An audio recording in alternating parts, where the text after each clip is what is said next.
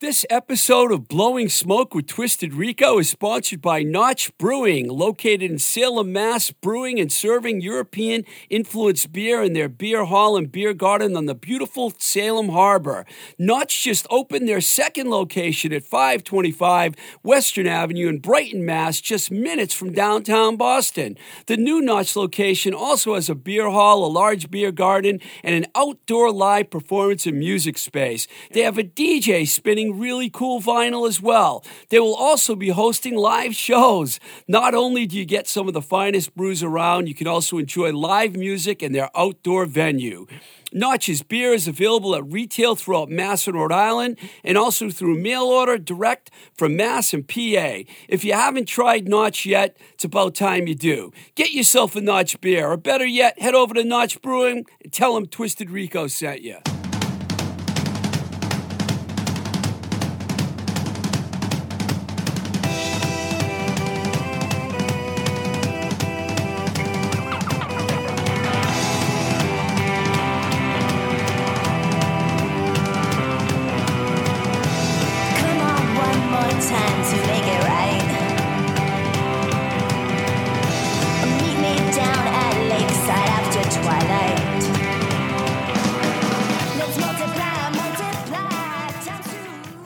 Welcome to Blowing Smoke with Twisted Rico. I'm your host, Steve Ricardo. This week, we have an interview with an old friend of mine and one of the nicest guys in the music business, producer engineer Bill Metoyer, who I met way back in 1984 when I was working at Enigma Records and he was making great records for mostly Metal Blade Records.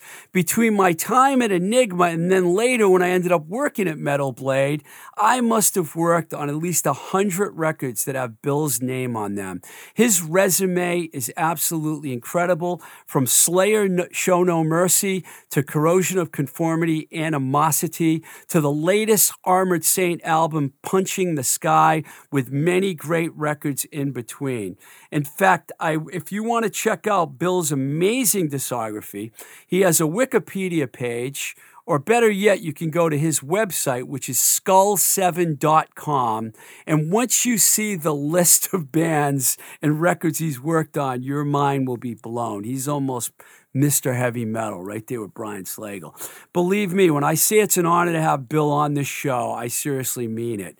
Um, having Bill on the show actually got me reminiscing about my time when I worked at Metal Blade in the late 80s when I was very, very fortunate to work on records by bands like Fates Warning, Lizzie Borden, DRI, Intruder, Sacred Reich, UFO, Eviction, Candlemass, Princess Pang, you know, and just the whole vibe of working in that office. Some of the people I worked there are like legendary in the music business, like Mike Faley, who also has been Billy Sheehan's manager for years, John Sutherland, who was our head publicity guy. He wrote for many huge magazines, great writer. Went to high school with this guy named Dwight Evans that played for the Boston Red Sox for all you old timers.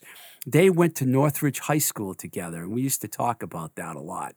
Diana Cass, who went on to work at Hollywood Records for a long time, and I think Warner Brothers. William Howell, great A&R guy who actually found the Goo Goo Dolls, who were on Metal Blade before they were on Warner's. Linda, Terry, Sharon Murley, Mookie, my good buddy Neil Schroeder, hanging out with Betsy Bitch. I had some really good times at Metal Blade. It was a really fun place to work. And of course, you know, did I even mention Brian Slagel? No. Brian, he's mentioned in the interview. Brian was the man who started Metal Blade Records and is probably one of the most influential guys in the in the heavy metal business as far as the US goes. He adapted the the new wave of British heavy metal. He found bands and released the Metal Blade Massacre record. You had Metallica and Slayer and all these bands before they came, became huge bands. Brian knew them all and worked with them all. Um, you know, I'm sure I'm forgetting some people from Metal Blade there were a lot of people. I worked there for a few years and it was a really fun time for me to work there. Important part of my music career. I asked Bill to come on the show several times and he kept telling me that his memory was shot. but you know, I finally got him to make the commitment. So you know, we're going to play that for you in a second here. Of course, I'm. Um, you know, I'm hoping to get Brian on the show too. Some at some point. I've been waiting till the show gets bigger and bigger before I get the.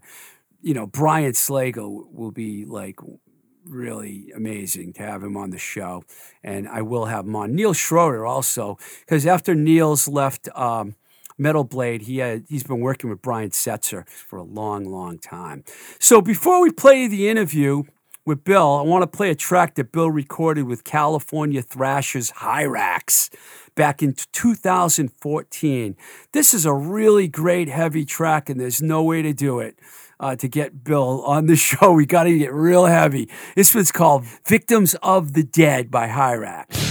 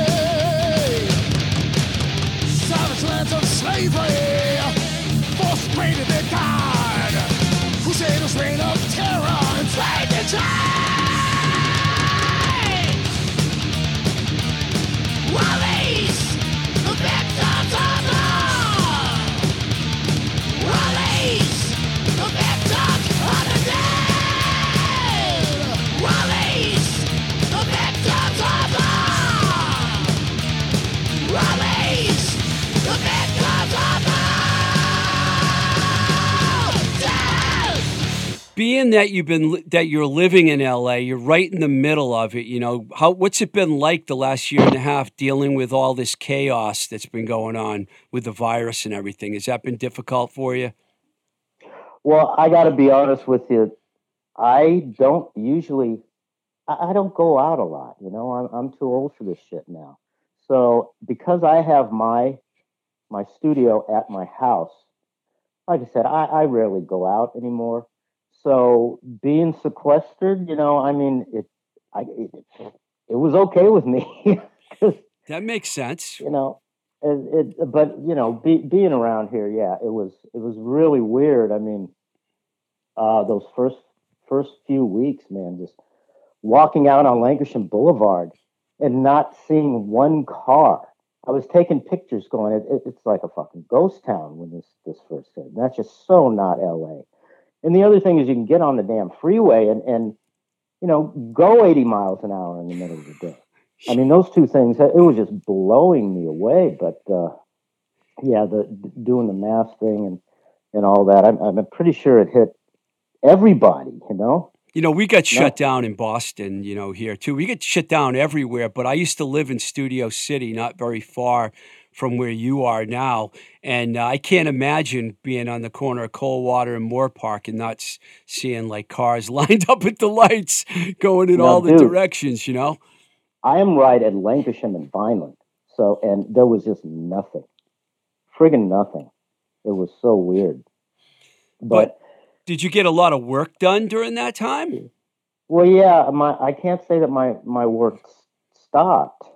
You know, I, I've been lucky because uh, I guess what, what happened is um, a, a lot of these bands, since there's nothing else to do, they were sitting at home writing music, and there's so many bands nowadays that just have their own recording Right. studios, their own Pro Tools at their house, and they're they're recording stuff themselves and then sending it to me to mix.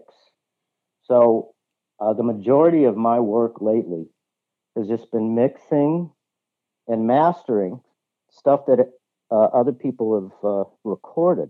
So I can't say that it it affected me work wise at, at, all, and and I'm still really busy. Yeah, So well, those are two things that you're really good at too, Bill, mixing and mastering. So that makes sense. I'm not surprised to hear that at all. Um, well, good. I'm glad, man. I don't. I'm. I'm. You had a rough week, obviously, and we're really sorry. You know, I knew Eric Wagner myself. You know, I only hung out with those guys in trouble a few times, but I remember them. You know, and they were cool guys, Chicago dudes, and uh, very sorry, man. I can understand how you'd be distraught because you worked with them for a long time. Yeah, and it was a, the type of thing that, um, you know, there, there, Eric, even when he got into the skull, every time he came to Los Angeles, I made sure that I, I hooked up with him, and we did uh, stay in touch. And it's when it's it's so fucking sudden. I mean, they were on tour Yeah, and sad. caught COVID, and just I can't believe it. It could take him that quick. You know, I mean, I mean, I, I mean, it, it's obvious that happens, but my God, when it happens to somebody like that, because I I have known people that are dying from this, but I don't know what. This was the first time that he was on tour. I expected to see him here in Los Angeles, and then you find out that he's he's gone. It was uh, it sucks. Yeah, I'm sorry, man. And you know what? We're gonna we're gonna change the subject because it's it's been a it's just difficult hearing. So I'm gonna talk about your resume for a second, okay, Bill? You ready? Uh oh. I'm gonna do it in my metal voice. Ready? Armored Okay. Saint, bitch, Fates Warning, Lizzie Borden, Slayer, Trouble, Omen, COC, Dark Angel, The Mentors. I have to laugh when I say that. Hirax, Cirith Ungol, Flotsam and Jetsam, Sacred fucking Reich, DRI, Morbid Angel, Wasp, Warbringer. And there's so many more. I'm not gonna name them all, but you've done a lot of shit, Bill. Well, that's because I'm old. I've been around. If you if you've been around as long as me, then yeah, you're gonna uh, you're gonna have a, a, a resume like that. You know, you've had a really long relationship with Brian Slagel, and that's how we met each other because I worked at Enigma and then later at Metal Blade. Do you remember when you guys first met and what that was all like, man? I know I'm testing your memory a little, but when you guys met, it's when all the magic really started happening with Metal Blade. Do you remember any of that? Well, I can I can definitely tell you how we met because I was working at uh, Music Plus, the uh, Yeah. record chain out here in Los Angeles. And side note, you realize that the people from Music Plus left Music Plus to start Green World, and then went on to Enigma. So, you know, I I, I knew uh, most of those people since I'm, I'm I'm 16 years old. Are you talking about But- the Heins and Steve Boudreau? Oh yeah, Bill. Wow. They, Bill and Wes worked at Music Plus. My old And, bosses. uh, y- y- so yeah, I, I I've known those guys. I knew those guys forever. and uh, the people at Green World. Now here, that th- there's where the memory goes. The was it Steve? You're thinking God, of heavy metal Steve? No, n- not Steve Brownlee, but uh, Steve Boudreau. that- yeah, Steve Boudreau. Steve worked at, uh, Sinclair. Steve Sinclair was there too. Steve. Uh, all those people worked at Music Plus. Wow. And uh, what what's the uh, what was Boudreau's wife's name? Kathy Boudreau. I can't believe I remember that. Yeah, Kathy Boudreau. I knew all those people before there was a Green World, even. So it it, it is kind of weird how that all went. So did you meet them before you met Brian? oh yeah, like I said, Wow. I fucked I, I before there was a Green World. So yeah, well, because I started working at Music Plus when I was 16 years old, and all that. So I'd known those people since then. Was this in the And- Valley or the South Bay or where, where was this? It was I worked in the warehouse that was here uh, on uh, like Laurel Canyon and Sherman Way, oh yeah. which, which is you know I could still walk there from right here. So that's where the the warehouse was. I wasn't in one of the stores, but you know I picked the records, uh, drove them to the stores, and unloaded them. So uh, th- there was a lot of people that worked, like Bill and Wes Hein, were at Yeah. stores. So that's when I deliver. You know, I, I met them whenever there were big type of you know music plus parties and stuff like that. But For the people, just Yeah. to put this in perspective, for the people out there listening, Green World started and Enigma came from Green World, where I also worked, was the distribution branch for Enigma. It was the same company, but there were two divisions. But it started with Green World and it became Enigma Records. Just wanted to get that clear for people. So, is that when you met Brian after that? uh, what I didn't meet Brian until after Metal Massacre One came out. Oh, And- really? Yeah, uh, I was working in Music Plus and uh, going to engineering school, and I ended up uh, getting a job working as a, a second engineer at Track Track Record Studio on uh, on Melrose in, in Hollywood. And instead of paying me, I would get to uh, use the studio when when it was empty Of course. was when it was usually around midnight or something. And there, there was a band working at uh, Music Plus with me. The entire band was working in the warehouse, and the band was called Dietrich. So I really liked their music. They were friends of mine, so I kind of used them to to practice on when the stu- studio was available. They'd come in and uh, play the music, and I I would record them. You know, in in the schools, there's not a lot of hands on, so Right. it was incredible because I got to sit there and do everything myself, and that's really how I learned how to start doing this. And um, what happened was, after a few tries, uh, I think we went into the studio and we came out with some like five songs. I think sounded really good. So what happened was we went to the people at Green World and they agreed to distribute this, right? Wow. So uh, the next thing that happens is, is that the singer comes up to me from Dietrich and he goes, Hey, Bill, look. And he had a, a copy of the New Heavy Metal Review, which was the magazine, the fanzine that Brian Slagel put out in the starting in, in, in the 80s Yeah.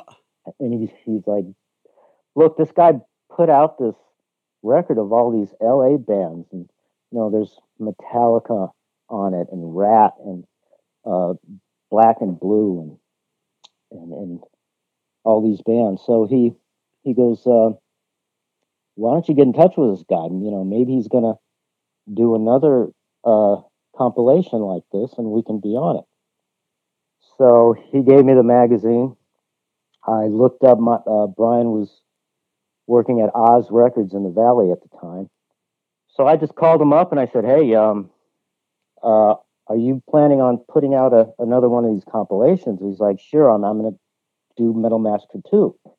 And I go, "Well, I have this band that I recorded, and I'd like you to listen to them uh, you know, maybe they can get on your compilation. He's like, sure, no problem. So I, I go down the Oz Oz records and gave him a cassette tape of the band. That's the first time that I had met him face to face. And uh, you know, a few a few days later, he calls me back and goes, "Yeah, there's uh, I like this band, and there's one uh, cut on here that I think would really uh, be cool for Metal Massacre Two, the song uh, "It's All Right." And I go, "Oh, cool, man! That that's that's awesome." And I go, "By the way, you know, I'm I'm the guy that that recorded that, and uh, you know, if there's any other bands that um, you want on the compilation that haven't been recorded yet, then let me know. You know, I, I can help you out with that." He's like, "Well, yeah. As a matter of fact, there is this other band, uh, this LA band called Armored Saint." And I'm like, "Oh, sure, man. I'll I'll gladly do that for you." So the next thing that we did was that Armored Saint EP, and uh, you know that that that was pretty wild because they were but well, I guess we were all a bunch of kids. But I was going to say, and the rest was history. But I was going to say, and the rest was history. uh, but yeah, I ended up uh, uh, doing that EP, and then one of the songs went on Metal Massacre Two, and then uh, the the next thing is is uh, the Bitch album.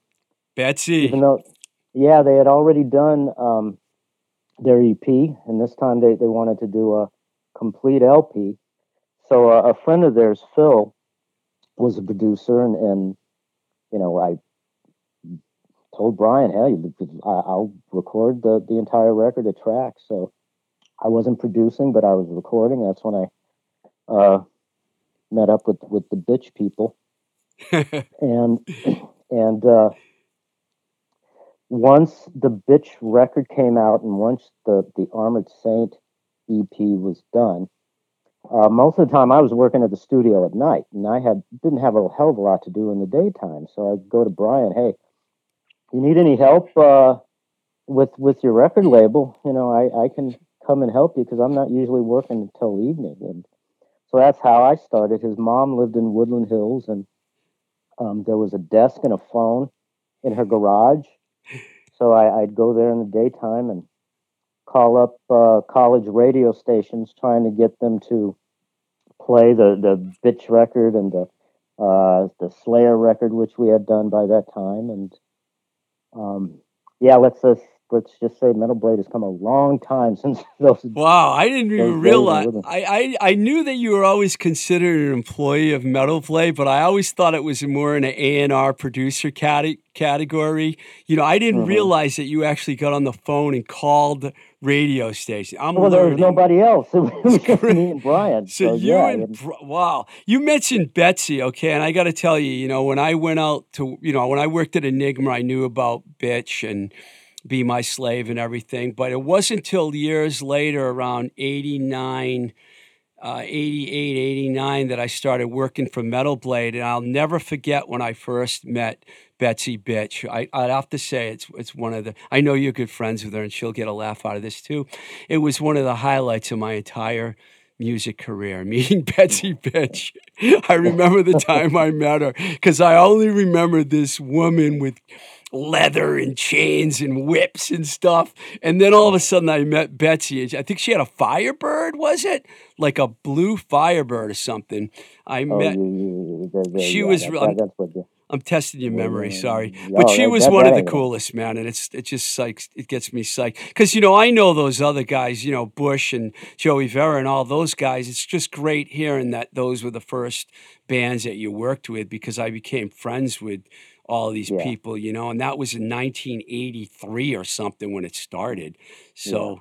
you know, so yeah, you Bet- Betsy is is more than a friend. I mean, her and her her sister and her mom are family to me, and um, I, I still live within walking distance. And uh, uh, Betsy just had a birthday of what three weeks ago, maybe, and uh, uh, I went over there, and yeah, I'm so again that that that's family. That that's not even. That's a, awesome. A I love Betsy, man. She's cool. Not kidding, man. She's she really is cool. a unique personality, and she, God, man, she sounds better now than she did back then. That still blows me away. How good that woman uh, uh, still sounds. sounds better than ever. And And of the course, you know, it, it was her birthday, so yeah, they had a setup in the backyard, and she had to sing. Oh, I was going to say it's she just- looks pretty good too, Bill. Oh yeah, she, she looks she looks better than she did. She sings better than she did back in those those early days, and that's that's freaking amazing. So she performed at her birthday party. That must have been Oh. cool. Uh, it, it's normal. it's not that it's cool. That's just the way it happens. If there's three people in the room, she's going to want to perform. That's that's how she is. So Wow. yeah, they and she sings uh, around here all the time, and and just going to clubs sometimes and, and doing some cover stuff. So She's like the queen of Metal Blade, if you think about it. Like she would be the queen, you know. You know, oh yeah, I mean, Brian's the king, it- she's the queen. Yeah, there there there wasn't a lot of uh, women singers that that did that heavy style of music back then. So she is. There's been so many women that have I've, I've been around. They come up to her and just say that it, you know, they she's their idol. She doesn't get enough credit either, man. She deserves way more credit. She was so ahead of the game as far as women in metal go, you know? Exactly. So, you know, I, I'm going to have to just pick out certain topics here, Bill, because your resume is just insane. And I don't want to like hit you with something that out of the blue. But one of my regular, I have to bring this up. One of my regular listeners and fans of the show asked me to ask you about someone. So I have to bring this up. Uh, they, she's a huge fan of Fates Warning, especially Jim Matheos. And she asked me about the First Impressions solo record that came out in 93. Now, you might not remember the recording process and everything as you did that record, but maybe you can remember something about Jim and Fates Warning and what, what, it's, what it was like working with those guys, because I really also highly respect that, that crew right there. Yeah. Well, uh, again, I don't know what to say about Jim. I mean, everybody w- one of the things I've I've always said is if I work with the band, that uh, well, uh, I take this back. I had a friend. He was an engineer and producer. Um, I've known this guy since high school. He's the one that actually got me into the uh, thinking about going to engineering school once I stopped uh, going to college. And his philosophy is if he works with a band and they he walks away from the the project and the band does not hate him, then he thinks he did a bad job. And I was the complete opposite. I'm like, if I work with a band, I want to walk away as friends. And, uh, you know, I, I still use that philosophy to this day. But when it comes to the, the guys in Fates Warning, again, that's another situation where these people just didn't turn into friends. I mean, Jim turned into one of my very best friends. Um, you know, they, they ended up, he ended up uh, moving out here to Los Angeles and uh, meeting his lovely wife at Metal Blade. Um, Lori Matheos was was a friend of mine. I, I, I had known Jim's wife. I don't know since she's sixteen or something. Really? I didn't know this. I- I- this is awesome. I got her. Um, I like to say that uh, th- there was another friend of mine that started working there. Uh, uh, uh, another girl named Karen Joseph, who's a like a little sister to me. And Karen, uh, she was 16. She decided she needed to uh, do something else. And I go, well, do you know anybody else that can take your place? And she's like, yeah. What about my friend Lori? So Lori started working at at Metal Blade, and that's how her and Jim met. Wow. So, you know, when Jim was out here, he was one of my dearest friends. It wasn't just a working relationship. great guy, we- too. You know, yeah, we would hang out and, and uh, you know, so it, it, it broke my heart when uh, him and Lori did uh, go back to uh, uh, Connecticut or wherever. Connecticut. Yeah, they're from Connecticut. Yeah. Wow. But yeah, you know, you're, you're talking about people that I love that, you know, I was at their wedding and, and, and stuff like that. So, you know, most of the time when, when I think about these projects that I did, it, it's it's never walking away remember the remembering the, the project. It's more like remembering the the stuff that happens when you're hanging out with them. You know, I mean, some of the stuff like we we I can't remember which one of the records. I think it was Guardian that uh, we're at a studio here in the valley. Awaken it the a- Guardian. Yeah. yeah, I, I think it was Awaken the Guardian. Be- you know, because it was a studio, there was like uh, some of these studios are built like a, a house within a house. There's two walls. So in the control room, there was a window, and then a space, and then another window. And I don't know what happened. Or, or one day they convinced me to see if I could fit through that space, and I crawled up in there. They locked the window, and I was stuck in there. And they make a little sign that says "Do not feed the engineer" and, and tape to the window. I mean, you know, in in some place there's there's uh, th- there's a photo of that.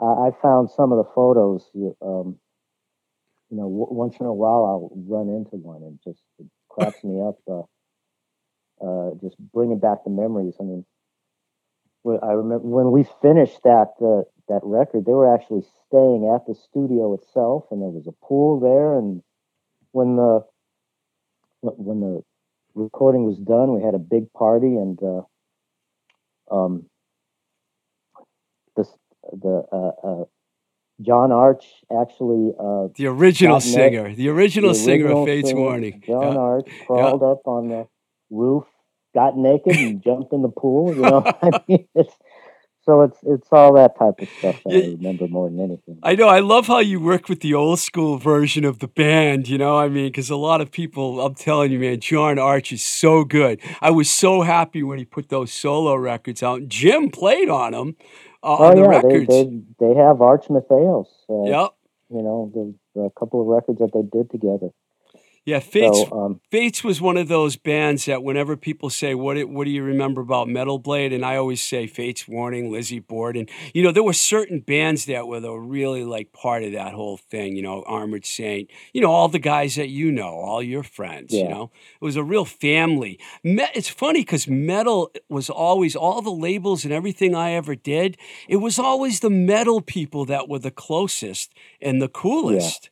It oh yeah, it I and I don't know if it was way back then. You know, we we were a bunch of kids ourselves. You know, I, I Yeah. don't, I don't know if we if we knew any better, but yeah, the, when it seems like when the metal scene first started out, there there was a camaraderie with the the LA scene. I could only really talk about the LA scene, but somewhere along the line it got competitive, you know. But back in those old days, you know, the people bands like you know Metallica, Armored Saint, Bitch, we all would all party together.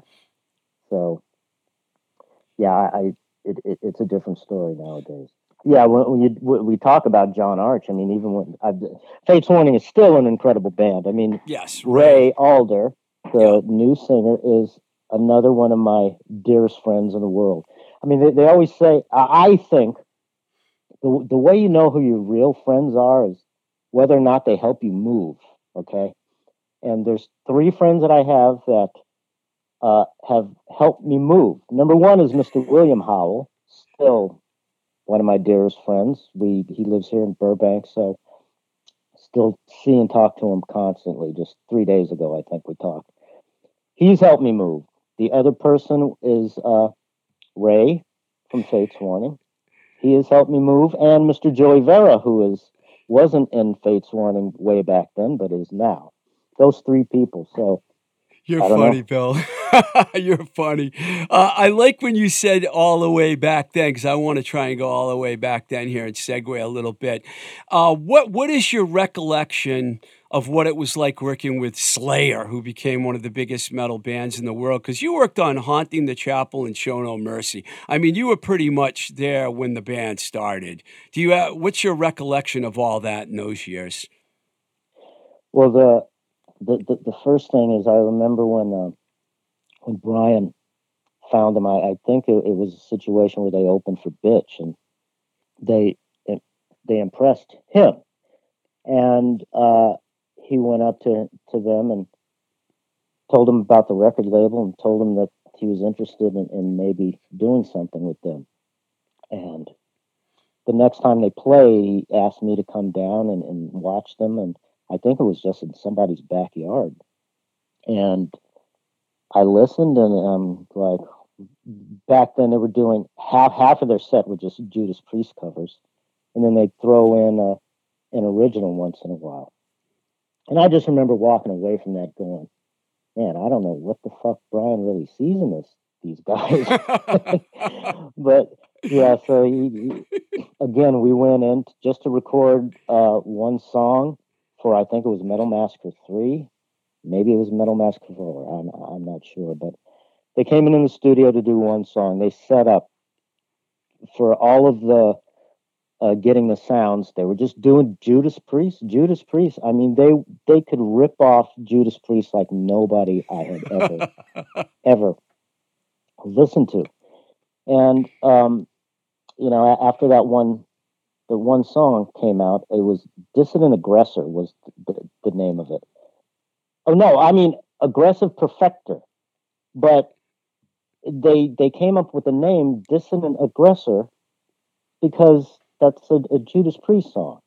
So I mean, that's how into like Judas Priest they were. But wow. they were into Judas Priest and, and Venom and bands like that. So after that one song on on the Metal Massacre record, Brian, uh, the the record label got a big response out of the bands. That, that's almost how it kind of worked. It's like Brian would put out a Metal Massacre with you know 10, 12 bands on it and then uh, the bands that got the most press that people were impressed with were the ones that he usually would approach to to be on the record label. Very smart you know, man, that, that Mr. Slagel. oh yeah, I mean, when you think about it, they, everybody. I mean, Trouble started on a Metal Massacre, Fates Warning, uh, Bitch. I mean, just about the the, the Metallica, Slayer, Tyrant. I mean, all these bands started yeah. on the compilations. So but you know, when it comes to Slayer, when it came time to do the the uh, Show No Mercy, again, if if I was a kid, you can imagine how uh, these guys were younger than me, and th- they they came in, and that's another good thing about back then is even though we were we were kind of doing something pretty important, they were just having fun. But those those guys took it a, a little beyond fun when they were in. I mean, um, they'd run around the studio with uh, water pistols shooting each other.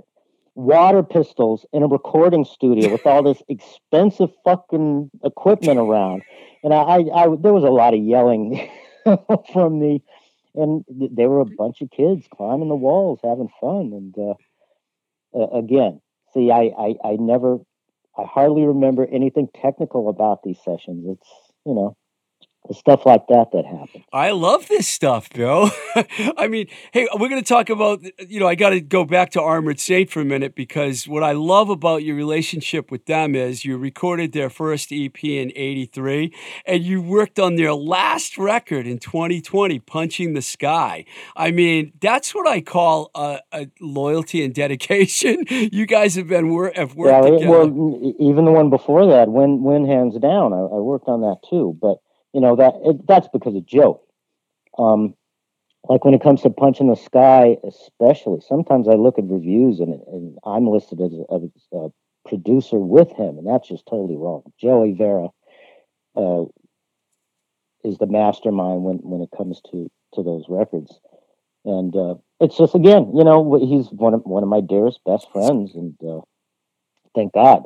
So you were talking before about how Laurie and Jim met at Metal Blade. Well, yeah. I have a story like that too. I knew Tracy Vera when she worked at a record store in Connecticut before wow. she came to work for Metal Blade. And those two ended up getting married. I'm not saying I'm the matchmaker to put them together, but there is a similarity to our stories. I had to throw that in there. I was going to funny. I was going to ask you about Joey because he's become quite a real good engineer, producer, whatever. He really has. You know, I, I Joey Vera. He's just first of all an incredible bass player. Yes, and he's been in so many projects. I I think what when it comes to being an engineer, he he he does try to give me a lot of credit. You know, the the many times I've worked with him, whether it be in Armored Saint or um, Fates Warning or, or Engine. Um, you know, he's he, he's I guess always kind of watched, paid attention to anybody that he's ever worked with. But you know, he's uh I don't know how to say this, but you you just need the the right type of ear, I think, to do what we do. I mean, yeah, you can go in the studio and say, okay, this guy, he takes this type of microphone, he puts it there on the guitar, and then, you know, he he uses this type of preamp, and then from from there on, it's just a question of it, your own ear. And I think he was just born with the, the the right type of ear to do this stuff. But yeah, once in a while, he tends to uh, to, to give me credit, but I think you know, it, it's him being in other projects and, and paying attention when uh, the engineers are, are doing their job. That's all. So, are you saying that you just stood around and watched, and Joey Vera did all the work on the record, and you got credit for it? Oh no, no, uh, uh, no, no, no, no. I, am not talking about that record. Uh, I'm talking about how he got to be such a good engineer. Okay. I'm just messing with you, Bill. I'm messing with you. uh, but uh, yeah, um, I don't know. I people always ask me such questions, and I got to be honest. All I do is turn the knobs until it sounds good. I mean, it it, it is that simple. It's well, that simple. You've done a great job, Bill. You've been doing it for a long time. Matter of fact it shocked me when I called you up out of the blue back in 2005 and asked you if you could mix some charm songs for me. Because I, I know you're a metal dude and you mixed three songs on that record, and one was the single on the record. So you, you know what I think of you, Bill. I mean, you could have easily well, said, fuck off. This is not heavy metal enough for me. No, see, that that's the other thing. I mean, pe- people don't realize some of the other stuff that I've I've done it has absolutely nothing to do with metal. Hell, I I mixed I mixed the DMX uh, album. I don't think the album ever came out, but you know I, have done that. I've even something like uh, uh, Jim Matheos's uh, solo records. I mean, there were just acoustic guitars and yeah. strings on it and, and stuff like that. So um, I tell you the the other types of music are usually a hell of a lot easier to do. You know, when it comes to engineering and getting sounds, just think about if you have a thrash band uh, and they're going a million miles an hour where there's hardly any any room for the for the sound to continue. I mean, thrash metal is far and above the hardest thing to, to record. That's for damn sure. So all these other types of music where where they're semi slow, and you know, you, it, there's no blast beat. The drummer hits the snare, and the whole sound. You get to hear the whole sound. I mean, that that stuff is much easier than metal. So, and I, I have done, um, I've done my share of that stuff. That's for sure. And and I I love all types of music. So. Yeah, you know, you kind of got locked into metal, though. You know, I mean, with the bands oh, yeah. that you associated um, and, yourself with, and that's that's fine with me because that is my uh, favorite type of music. I'm, I'm doing this because of two people, because of uh, my aunt that passed away, that when I was three years old was uh, uh playing Beatle records for me, and uh, for Black Sabbath, because when I heard them, that's when I said, well, I really like, I, I, I might stop listening to all these other types of music because so yeah, it's metal is uh, it's always uh, better if you're sitting there working on a project where you're into the music. And you know, that was a lesson I learned early on because when I was just engineering, I mean, um, a second engineer at Track Record, they'd give me some of the shit gigs, and one of the shit gigs was if uh, the owner's friends would come in that were songwriters. They would just sit at the piano and compose at the studio. So I'm just recording a, a vocal and, and, piano, and a guy's sitting there coming up with with a song. And once in a while, that he had one friend that would always come in, and the guy's sitting there tinkling away, coming up with with lines and stuff, and he'd turn to me and goes, "What do you think about that?" You know, and I was wasn't even paying attention, you know. And, and uh, after that session, I heard him go into the other room and talk to Tom Murphy, the the owner of Track Record. He's like, "Man, I h- how can I be creative when I look up into the studio and I see his sour puss uh, in there?" And you know that that's the first time it hit me. It's like, fuck, you know, I I better start doing the the, the type of music that I am into. So yeah, it's uh, it, it, being into the music helps the creative process. That's for darn sure. So, and I, I love metal. So I got I, it's okay for me to be tagged as a metal person. So Metal loves you too, Bill. There's no I- question I really about like that. Now, do you before I let you go, do you have anything coming up in the future here that you're going to be working on? I mean, is it busy, slow? I mean, you're working right now. I mean, anything we yeah, uh, again, man, I, I never did stop working. Um, the project I'm involved in now, I don't know if, if you remember a, a band called MX Machine. Yeah, Okay, I yeah. do actually. Yeah, the the bass player Diego um, started a company. See, uh, MX Machine. Uh, it- it's another example of a band I worked with in the in the '80s, and uh, still dear friends with. Diego's one of my dearest friends, and again, I, I know MX Machine because I did Armored Saint. You know, they they were friends with the Armored Saint guys. But Diego started a record label and a company called Candle Power Records. And just this year, in the middle of COVID, we uh, he rented out uh, a space and just had some LA bands come in and record live. And uh, you know, we, we shot the video, recorded it, and he's we're, we're just barely getting some of these uh, videos online right now. But That's awesome.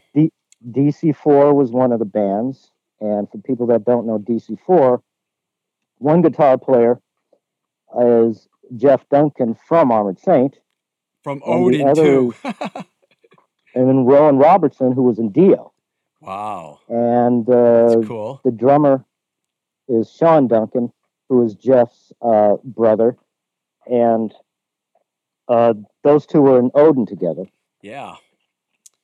Wow. So um, uh, another band was they're called uh, uh, Obscene Gesture.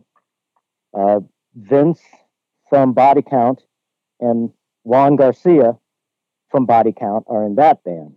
Juan Garcia, another one, the, the Agent Steel, you know, uh, Evil Dead. I did the last Evil Dead record.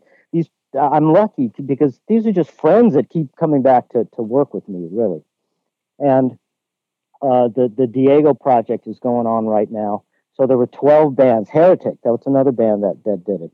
Uh, a band Praise the Dead, which is Spacey T from Sound Barriers' uh, uh, new band, and Doug Pinnick played bass on it. You know, I love Doug. so King's that, X. that I just I remember where I was the first time I heard that first King's X record, and it still blows me away that I could walk into a a room and Doug Pinnick knows who the hell I am. That just that still blows me away. And I'm not surprised. I just want to thank you for coming on the show.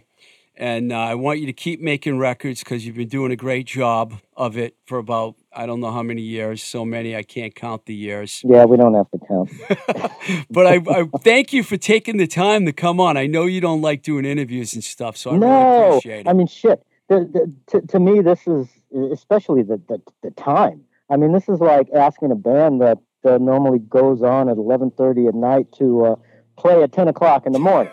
so uh, again, I, I'm doing this for you, Steve. well, I love you, man. Thanks a lot for doing it, man. Love you too, man. All Hope right. you come out here soon because I sure as hell ain't going anywhere. So uh, Thanks, Bill. love to see you. One. All right, see you, Okay, man. Bye. Bye bye.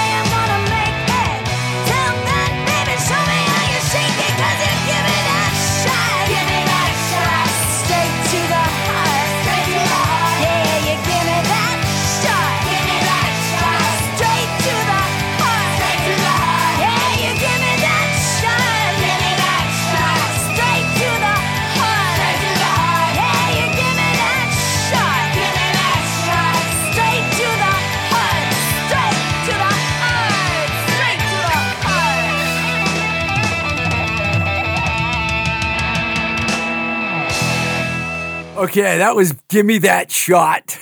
People are like, You're always playing the charms on the show. Well, of course, they are an important part of my history. But the reason I played Give Me That Shot from the 2005 Pussycat album is because Bill Metoyer mixed the track.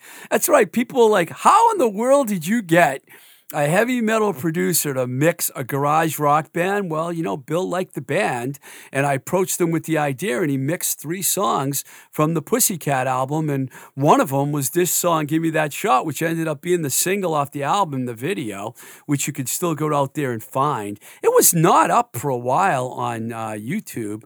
The guy, the director, has has the rights to this to the video, and he took it down, but for some reason he put it back up a few years ago, and I'm like, why was it down for 10 years, Ben? Sorry for calling you out, Ben. But um, anyway, that was that was great. It's always great to talk to Bill Metoyer.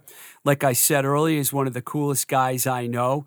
Really nice gentleman. He's a gentleman. He's one of the true gentlemen in rock and roll, without a doubt. Very soft spoken, but very heavy. He knows how to bring the heavy for sure.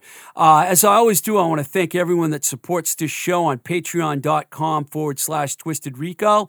And if you want to write me at twistedrico at gmail.com, please do. On Instagram at blowing smoke with TR, on Twitter at blowing smoke BS. And, uh, you know, we also have a Blowing Smoke with Twisted Rico YouTube page and a Facebook page. Thanks a lot to Mike Nash here at Voice Motel in Somerville, Mass. for engineering the show. Mike also records the Seems to Me with Sibylline Siriano show, which is more about food, fashion, film, and we do stick a little music in there. And it's also available on Apple, Spotify, Anchor, Google, Breaker, etc. Uh, we have the 12th episode coming out soon. We did take a little hiatus after the first 11, but now we're back and hopefully we'll be recording more regularly. There's also a new show. We're coming for your band with Duncan Wilder Johnson that I'm on. I love podcasts, man. I feel like podcasting is my life now. Uh, just going to keep talking and talking and talking until you get sick of me. Some people probably already are. But uh, I'm going to mix things up too. You know, we have a lot of really interesting type guests, a little bit of rock stars and, and people behind the scenes who are mixing it up a little of both. So stay tuned for more of that especially you, Elise Silver. Uh, so, till the next time we say goodbye, this is Blowing Smoke with Twisted Rico. I'm your host, Steve Ricardo. Keep the rock and roll alive.